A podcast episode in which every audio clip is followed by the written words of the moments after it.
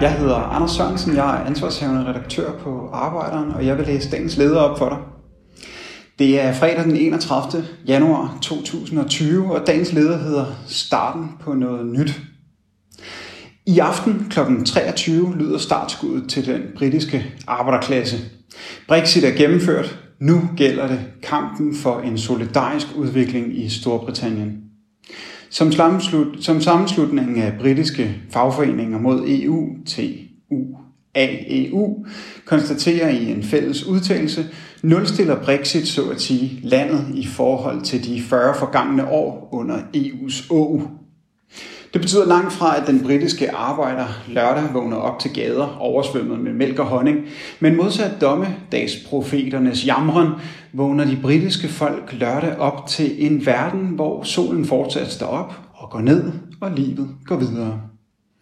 Endnu vigtigere vågner de op til en historisk chance for at gå forrest i et opgør med den globale monopolkapitals stort set uudfordrede magt over langt hovedparten af verdens stater.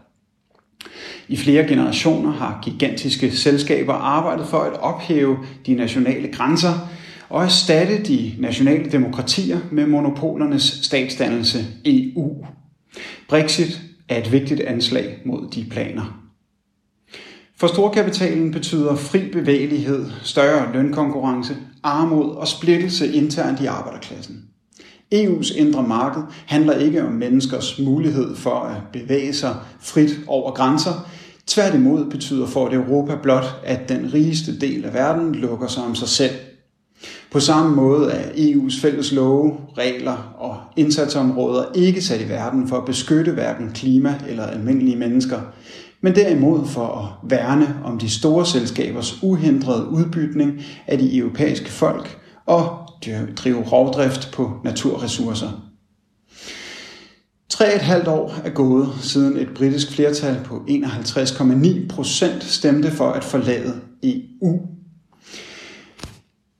Siden da har monopolerne gjort alt for at lægge snubletråde ud for Brexit-processen. Men den britiske arbejderklasse har stået inspirerende fast i deres krav om Brexit. Klassen har måttet tage mange tæsk af bedrevidende mediekommentatorer og selvgode bedsteborgere, som er blevet forarvet over den måde arbejderne først anvendte UKIP til at gennemtvinge en afstemning, vendte tilbage til Labour, da dette i en periode viste sig at være klar til at bakke op om arbejderklassens retfærdige krav. Men som så ofte før svigtede Socialdemokraterne i Labour, og arbejderne måtte ty til Brexit Party for at minde magthaverne om, at kravet om demokrati og national suverænitet ikke var til forhandling. Og sidst måtte arbejderklassen se sig nødsaget til at stemme på ærkemodstanderne i det konservative Tory-parti. Men vejen til selvstændighed har aldrig været lige til, som TUA EU også bemærker i deres udtalelse, hvor man minder om, at 31. januar 2020 kl. 23 også markerer enden på højre-regeringens mandat. Get Brexit done var Toryernes valgslogan. Det havde intet andet slogan. Når Brexit er gennemført, og vi forlader EU den 31. januar, har regeringen intet andet mandat Dens legitimitet til at regere slutter den dato, skriver fagforeningerne. Nu er det op til de britiske arbejdere at forme deres egen fremtid og sikre, at Brexit også fører til reel selvstændighed for de britiske nationer. Du har lyttet til dagens leder fra Arbejderen.